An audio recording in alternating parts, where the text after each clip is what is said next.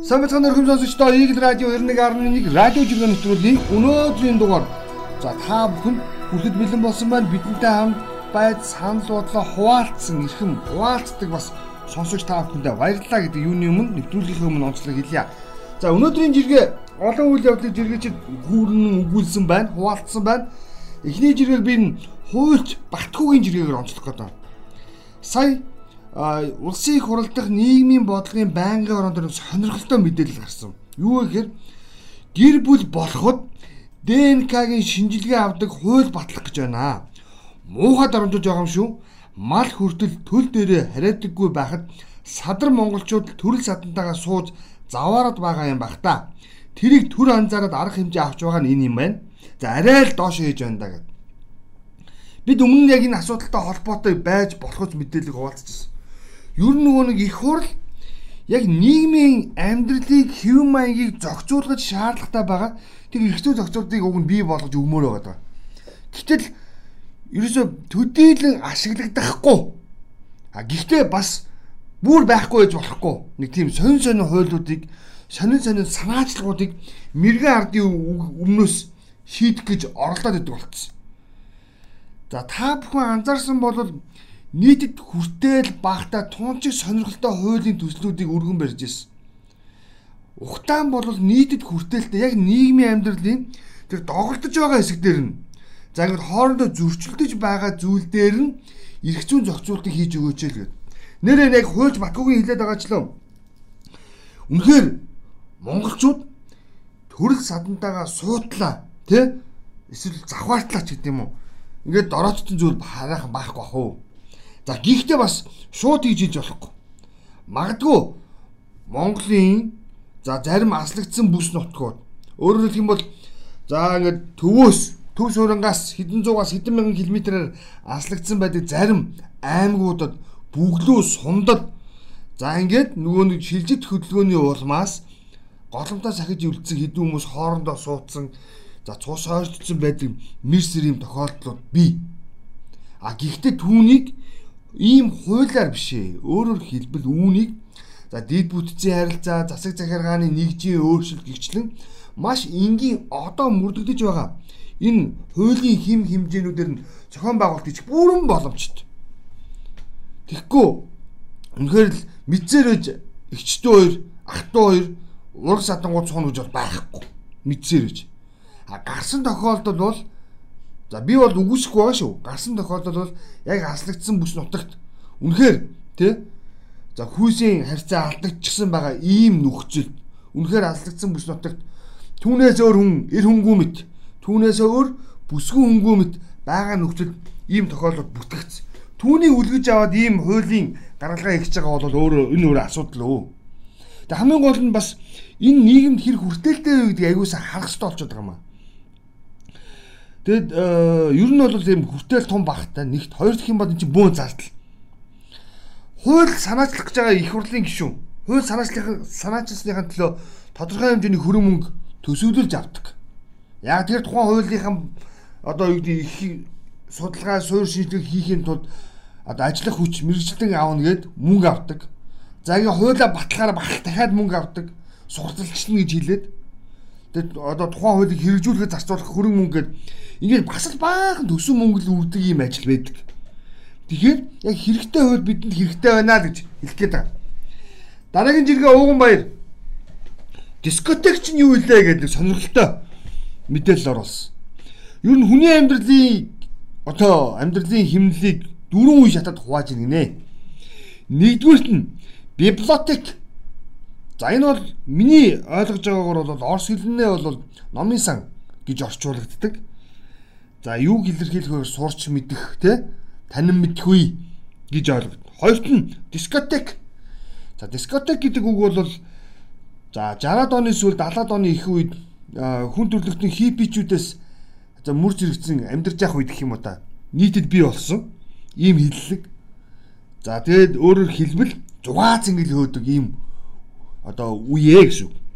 За гуравт нь ахуй амьдралтай болгоод ипотект орж эхэлнэ. Өөрөөр хэлэх юм бол нийгмийн харилцаанд эдийн засгийн харилцаанд ороод ирэхээр байр сууц те цалин пүнлүү за ингээд ихнэр хүүхэд нөхөр хүүхэд ч гэдэм аав ээж гээд хин нэгэндээ халамж тавих шаардлага үүснэ. Түүний дунд хөдөлмөрлөн хөдөлмөрлөхөд олж байгаа орлого нь за бодиттой байдлаар хүрэлцэхгүй байгаа үед ипотек хамрагддаг. Төрөл бүрийн ипотек. Бид шууд утгаар нь орон сууцны зээл гэж хүлээж авах шаардлага байхгүй. Энд бол цалингийн зээл, за банк бусын зээл, за бүр цаашлаад нөгөө нэг ламбардны зээл хүртэл орно. За тэгвэл амьдралын сүүлийн хэмнэл бол апотекийн үе байт юм байна. Өөрөөр хэлбэл библиотек, дискотек, ипотек гурваа дуусгаад хүний бие ерөнхийдөө сулд нас хүүсч нилээ явна. За ингээд апотекийн үе буюу өөрөөр хэлбэл им тан хэрэгэлдэг үе дээр ирнэ гэж. Тэгэд ууган байр юу гэж нэхэр амьдралын дөрвөн үе шат библиотек, дискотек, ипотек, апотек та нар аль шатандаа явцгааж байна да гэж. За яг миний зүгээс бол одоо би бас харж байна. Яг үндэ бол би энэ дискотек, ипотек хоёрын дундуур явсан болов гэж боддоо шүү дээ хувьдаа. Яг тэгэхээр бас чинь орлоготой зарлага нь дүүцгүй байгаа нөхцөлд ипотек руу орчод байна. Тэгээ бас нэг идэвхтэй амьдрахын тулд дискотекийг бас хавсарна, хүч хавсарна. За ингээд тун удахгүй апотек гэдэг үе рүүгээ явах гэж. За. А энд нэг бас нэг оч хоёрын нэг жиргээ бас анхаарал татсан. Уран уурчлаа. Би нийслэлийн төрийн үйлчилгээний албан хаагч юм аа. Манай байгууллагын бүх ажилтнуудын цалин энэ сард 213 мянган төгрөгөөр хасагдсан. Төсвийн хэмнэлт нэрээр бидний цалинг нийслээс татаж авчээ. Цалингаа нэмж чадахгүй бол ядаж битгий хасаач хотын дарга сумья азраа гэсэн. За энэ бол ерөөсөө нөгөө нэг 23 оны төсвийн төслийг хилцэж эхлэх үед батлах хүртэл бид нар бас ярьсан л нэг сэдв. Цалин нэмэхгүй, тэтгэвэр нэмэхгүй их оны төсөв. Тэгтээ нөө холхин дээр цэцэг ургуулсан манай их хурлын гишүүд төсөв баталж байгаа нөхдүүд юу гэж яасан бэ гэхээр төрийн албан агчдын цалингийн шатлалыг бид нар багасгаж байгаа. 15 6 шаталтай байсан бол ерөөсөө нэг 4 5 шаталтай болгосон. Тэгээ шатлаар нь залхимжуулнаа гэсэн. Өөрөөр хэлбэл төрийн албаагч ажилласан жилээс хамаарал урамшуул авдаг ярьдаг асуудал идэвхтэй явна. Тэгэхээр бүгд нэг ижил гараанаас гарах буюу цалингийн нэгдсэн нэг одоо юу гэдэг шатлаас ажил үйлчлэгээр эхлэнэ л одоо цалин урамшуултыг хэлнэ гэж тайлбарласан. Тэгтэл алтал нь яг ийм юм нухц. Өөрөөр хэлбэл тэнд байгаа цалингийн одоо шатлалын хасагдлыг нь энд байгаа цалингийн шатлалын нэмэгдэл дээр авч тавиад урд хормоог нь хойд хормоогоор нөхсөн ийм л процесс өрнөж байгаа. Одоо эхэлсэн байна. Юу ч хэлвдээ. Тэгээд Энэ бол яг нэг юу тарин түүнийхээ үр шимийг л бид хүртэж байгаа. Одоо өөрөө өөрсөнд бол гомдох уу эсвэл ухаарах уу гэдэг асуудлыг ярьж байгаа. Тэгэхээр энийг асуудал үргэлжлээд яригдана 23 онд энэ асуудал мөн идэвхтэй яригдана гэж харж байгаа. Бидний зүгээс яагаад вэ гэхээр цалин нэмэхгүй тэтгэр нэмэхгүй гэдгийг бид нар маш сайн ойлгох хэрэгтэй. Эдийн засгийн асуудалтай байгаа. Үндсэндээ Монгол улсын орлого өөрөө хязгаарлагдмал нөөц тулгуурлагдсан байж байгаа. Ийм нөхцөлд хилээд байгаа шүү цалингийн шатлалыг цөөрүүлж төрийн албаа агчийн нэмэг юу гэдэг ажилласан жилийн нэмэгдлийн өгнөөр нэгээр гой гой үг ашиглаж байгаа. Гэхдээ эн чинь бол урт хормоогоо аваад хоод хормоогоо нөхж байгаа буюу тэнд иргэн оч хоёрын цалиг хасаад энд иргэн гам баярын цалиг нэмнэ л гэсэн ойлголт шүүлж. За дараагийнх нь саруулхан жиргсэн. Энэ нөө асуудал дахиад гараад ирсэн. Энэ их болсон монгол хэл За шашны дээр бол хаман амьтны тусын тулд энэ үг үсгээр энэ тоглолдог байдал одоо ер нь хизээ арилгах юм бэ гэж. Одоогоос нэг 4 5 жилийн өмнө санаж байгаа бол сонсогч та бүхэн их хэлний тодорхой дүрмүүдэд өөрчлөлт орно орохгүй, орсон ороогүй. За үүнийг дагаад өсвөр насны хүүхдүүдийн сурах бичгэн дээр зарим Монгол үг хэллэгнүүд үг үсэг за дүрмийн өөрчлөлтүүд хийгдсэн. Гэхдээ тэр нь буцаад хэвийн байд руу шилжсэн шилжээгүй гэдэг хоёр талд одоо орол ярьж байгаа. Нүүн цээж гэдэг үгийг чээж гэж болгосон, чээж гэдэг үгийг цээж гэж болгосон ч гэдэг юм уу. Эсвэл нөө хойны мори гэж бичгүүч гэдэг ч юм уу. Бүр нэг тийм марцан марцан хэллүүд гарсан. Тэгсэн чинь хин саруулхан яг энэ асуудлыг жиргсэн. Нэг зураг оруулж байгаа. Сурах хүчгэн дээр байгаа шүү. Эцэг эхчүүдэд монгол хэлний сарин мис гэдэг үг Серимис гэж бичигддэг болсныг анхаарна уу гэдэг анхааруулгат. Энэ дөрмийн ном байгаа даахгүй. Тэгэхээр ингээд саруулгын юу гэж байгаа гэхээр энэ зургийг оруулангуудаа зүгээр байсан үгийг яах гээд ингээд оролдоод байд юм бэ? Шоломсноо да, аламсноо да.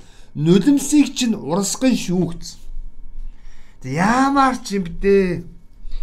Яг үндэ энэ үгний ийм үсгийг урд нь оруулж тавих, ийм үсгийг хойно нь оруулж тавих ер нь яг хинд ашигтай вэ гэдгийг бас гайхаад байна. Тэр цаг дор гэдэг шиг яг 4 5 жилийн өмнө их хэлний дүрмд өөрчлөлт оруулна оруулна оруулахгүй энэ монгол хэлний зарим үг шавж гэдэг үг шавж боллоо гариг гэдэг үг гараг боллоо гэж ярьж яах цаг дор яг их хэлний бас чиглэлээр бичдэг хүмүүс хэлжсэн энэ бол масар том бизнес гэж ярьжсэн. Гэхдээ яахаараа тэр үсэг солих чи бизнес болдго юм бэ гэсэн. Энэ Монгол улсын хэмжээнд ашиглаж байгаа бүх сурах хүчиг Монгол улсын хэмжээнд ашиглаж байгаа бүх их хэлний гарын авлага шинжилгээ хэвлэгдэх болно. Өөрөөр хэлэх юм бол жишээлбэл сармис гэдэг үг солисон нөхцөл энэ үгийн им и хоёр үсгийн байрыг солихын тулд энэ үг орсон бүх юм өөрчлөгдөх ёстой гэсэн үг байхгүй. Тэгээ энэ нэг ийм юм яваад байдаг юм аа. Тэгээ энийг одоо одоо энэ хилний зөвлөлийн нөхдүүд өөрсдөө мэдсээрэж ийм зөвшөөрөд идэг. Тэгээд ашиг сонирхол нөгөө мөнхийн найз нөхрөл гэж байхгүй те мөнхийн ашиг сонирхол гэж байдгийг чин нэг хэлсэн байдаг. Тэрнтэй л утга дүүдийн болоо гэж. Тэгээ үнэхээр сармис гэдэг үг саримс болгож байгаа бол би бас гайхаална. Тэгээд яг яах ч юм. Тэгээ одоо бол миний хувьд ер нь монгол хэлний хичээл дээр үгийн үсгийн алдааг энэ засаад явуулах байдлыг бол би бол нэг төдийлэн цаашаадаггүй.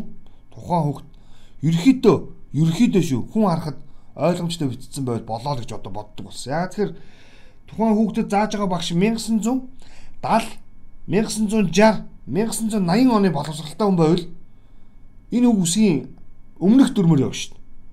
Харин тухайн хүүхдүүд хичээл зааж байгаа багш 1990 2000 оны боловсралтай бол нөгөө нь серимис биш серимис болгож бичнэ. Яг үнэндээ. Тэгэхээр тэрний буруу, энэний буруу гэж багшийг буруутгамааргүй байна. Яг үнэндээ. Тэрний оронд хүн харахад ойлгомжтой зүг бичдэг л амар. Ухтаан бол Монгол хэл нэг л дүрмтэй байх юм бол энэ Монгол улс бас бүтэн байна гэж. За. Ариунтын жиргээ э ариунтын жиргсэн маш сонирхолтой жиргээ. Гоо сайхны эмч нар яагаад өөрсдийнхөө нүүрэнд мис хүргдэггүй юм болоо? Бүгд натурал өөрийнхөө байдаг юм байна лээ. Бас шүдний эмч нар Холливуд Исмайлыг өөртөө хийлэгддэггүй муухай чамаагүй өөрийнхөө шүдтэй байж л байдаг. Бас нүдний эмч нар өөрсдийнхөө хараг тэгэлдэггүй гээл сонио. Яг тийм. Яг тийм. Тэгээ доотлолт сэтгэлдлүүд нь манайхан бас өөр хоорондоо санаагаа уралдуулсан. Ерөнхийдөө олон талдаа гарсан. Гэтэ нэг талдаа гарсан дийлэх нэг сэтгэлдэл юу хэлж ийм гэхээр тэдгээр хүмүүс чинь өөрсдөндөө яг өөрсгөө хийж чадахгүй л гэж. Бас нэр яагаад байж болохгүй гэж. Үнэхээр ур чадвартай юм ч те. Ван Гог л биш бол гэдэг шиг те. Ван Гог бол яг толон дараад өөрийгөө зурчдаг байж болох чадах чадвар байж болох юм. Гэхдээ чинь бол мессеж хэлбэр те. Яг үнэхээр тэр эмч үнэхээр мундаг ур чадвартай байгаад өөртөө бусдад одоо шүдийг нь янзалдаг шиг бусдын нүдийг нь янзалдаг шиг бусдыг нь хамрыг нь өрөж хөмсгийг нь томруулж нүдийг нь сэтэлдэг шиг хагалгаж чадахгүй л. Тэгэхээр тэр байж болох юм. Бас нэг үйлбэр тийм үү? Яг тэр бусдын уур чадварт итгэхгүй шүү дээ тэр хүн. Мөн үү? За хоёр хоёр дахь сэтгэл юу гэхээр ер нь ямар ч нөхцөл хүний байглаас өгөгдсөн өгдөл өөрөөрөө байхад ч сайхан юм байхгүй. За энэ нэг учир мэдэх юмч ялангуяа энэ амны хөндийн чиглэлээр доктор магистр зэрэгтэй баг шүү. Нэг эмч надад ярьж ирсэн. Аа ер нь энэ амны хөндийн эмчилгээ үйлчлэгээ ялангуяа энэ имплант тавих ч гэдэг юм уу Hollywood Smile нэртэй юм эмчилгээнүүдийг болж өгвөл бити хэлгэрэй гэж. Энэ бол өөрөө хэдэн жилийн дараа монголчууд амны хөндийн өвчлөлөөр дэлхийд тэргүүлэх шалтгааны нэг болно шүү.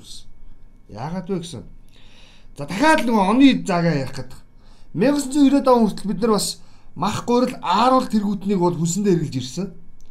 1990-ад оноос хойш 2000 он өнөөдрийг хүртэлх хугацаанд яг саяны хэрлэг нэрлэгдсэн ааруул гурил мах гурын хэрэглээ багасаад оронд нь чихэр давс за хими орцтой орлуулагч бүтээгдэхүүнийг түлхэн хүсэндээ эргэлж ирсэн. Үүнээс үлбаалаад шүдэн дэх амны хүндэд хөвчлөлийн тоо нэмэгдсэн. А гэтэл гоо сайхан ертөнцийг авардаг гэд янз бүрийн нөх хими орц найрлагатай буюу хиймэл гаргалгаатай юм шүдний гой болгодог юм үйлчлэгүүд гарч ирсэн. Тэгээ үндсэн нөгөө ясан шүдийг нь аваачаад өрөмдөөд ингээд ингээд ингээд нэмгэлж ягаад дээдлэлт нь ингээд юм шаваа тавьчихсан юм байна шүү дээ үндсэндээ. Тэгээд Нөгөө хүнсний хэрэглэнээсээ болоод тухайн амны үндэд байгаа үндсэн имчилгээ хийж чадахгүйгээр ингээд дээгүүр шаваа хайчаар дотроос нь өөрчүүд нь өмрөөд унцдаг. Тэгээ муугаар хэлэх юм бол нөгөө нэг юм цемтэл гэсэн үг байхгүй. Гаднаа нэг наран татчихсан доторх нь ингээд хөндөрсөн цемтэл болчдөг гэсэн үг юм шүү дээ. Тэгэхээр энэ Hollywood smile гэдэг зүйлийг бас бодмоор бэл. Тэгээ бас яг нүдэн дээр бас адилхан. Нэрээ яагаад энэ эмчнэр хараа тэглүүлэх одоо нүдний эмчнэр одоо хаалгаг өөртөө хийхгүй байна гэж. Хийхгүй байна гэж. Чи хүн хийхгүй л дээ. Би бас түрүү бол хүн идэг мэтэр тайлбарласан. Хараа бол аппаратанд орж тэгээ лазер. Чүн гэх. Чүн чүн чүн. Тэгсэн чинь аа нүдний эмчнэр өөртөө танаа нүдний шилдэг. Тэд чи учрыг мэдэж штэ үндсэндээ. За ингээд ярил асуудал. Тэгэхээр бид юу гэж аримтайгийн энэ жиргэн дээр юу гэж хэлэх гээд байна гэхээр ер нь өөрийнхөө аа байгалаас өгөгдсөн өгдөл хүндээ сэтгэл хангалуун байдаггүй махад арчилт тордоод буюу угаат цэвэрлээд явж яхад болчихно дөө. Арьс үсээ заавал янзруулах гээд яг юу. Тэгээд мод монголоор дуустдаг гэдэг шиг нэг хэсэг хүүхнүүд бүгдээр л давхраа хэлгсэн одоо эргээд бүлцэн үдтэй хүүхнүүд ч модонд болж байгаа юм билээ.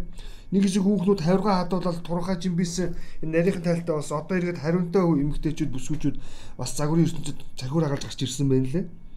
Тэгэхээр бүгдээрээ бас бага багадаа сэтгэл хангалуун байцгаая гэж өөдрөг байцгаа шүү. За дараагийн жиргээ цасхан. Уулын замаар эргэлдээд байгаа адуунууд юун адуунууд юм болоо нилээ удлаа тийм а явхаар нэг бол уулан дээр нэг бол зам дээр явах юм сая шүүн бас гарч ирлээ гэж. Үн чинь нөгөө нэг дабл стандартын үр дүнгээр бий болсон адуунууд. Улаанбаатарын удирдлагууд нийслэлийн ногоон бүсэд мал амтан байхыг хориглосон. Зөвхөн гэрийн дижээвэр муур нохоо хоёр л байна шүү. За тэгээд зарим айлууд нэг жижиг сажиг шуу муу байдаг баг. Усан уулган энэ төр бол хаамстер энэ төр байдаг баг. За адуу үхэр хонь ямаа бол байлгаж болохгүй. Нөө нэг тав ушуу малыг бол байлгахгүйгээ заачихсан. А гэхдээ та хэрэв мөнгөтэй бол хотын ойролцоо үлжээтэй бол мөнгө төлөөд байж болно гэдэг ойлголтоор асуудал шийдэгдээд байгаа шиг байна.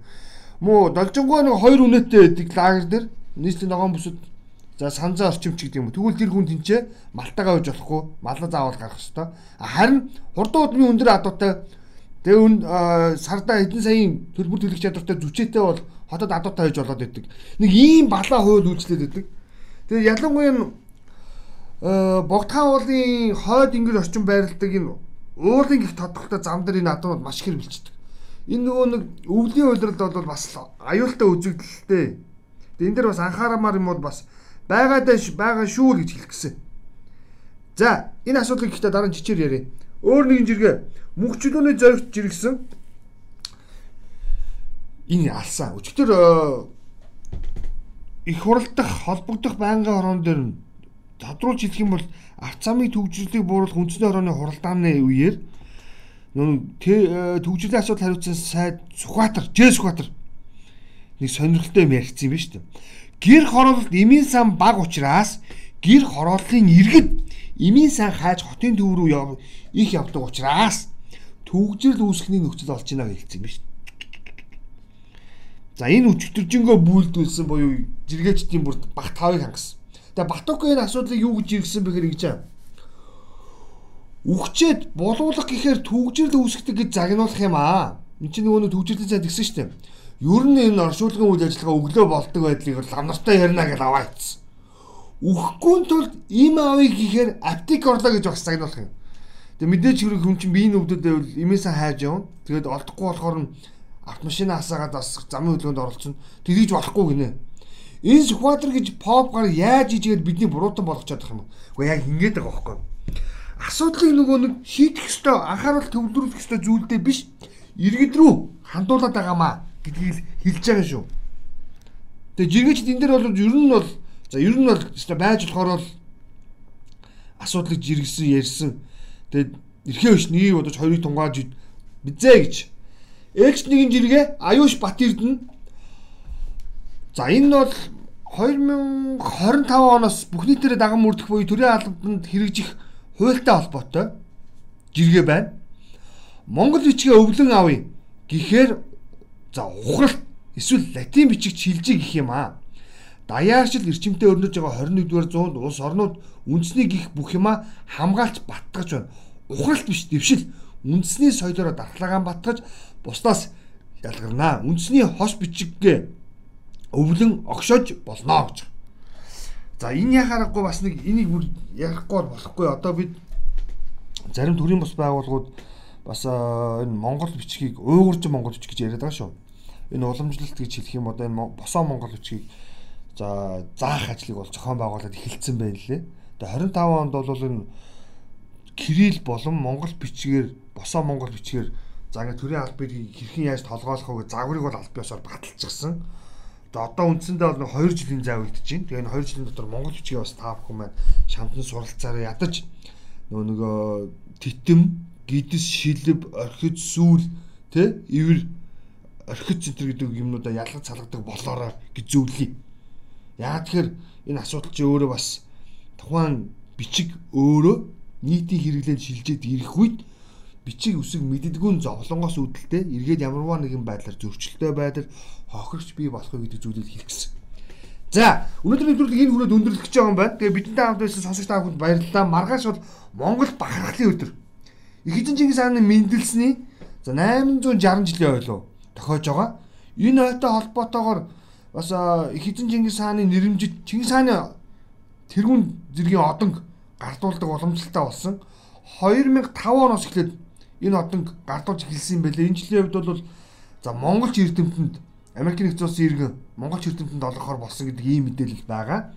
За мөн 2012 оноос эхлээд их эзэн Чингис хааны мэндэлсэн өдөр буюу өвлийн тэргүүн сарын шөнийн нэгний за бэлэг цай өдөр бүхний дээр амардаг байх ийм хуулийг бид батлан гаргасан.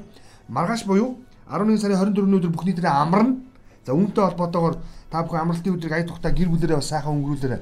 Тэгээ Монгол бахархал гэхээр бид нар Чингис хаан гэхээр бас нэг хүний тухай яриад байгаа юм шиг ойлгодог. Тэгвэл үгүй.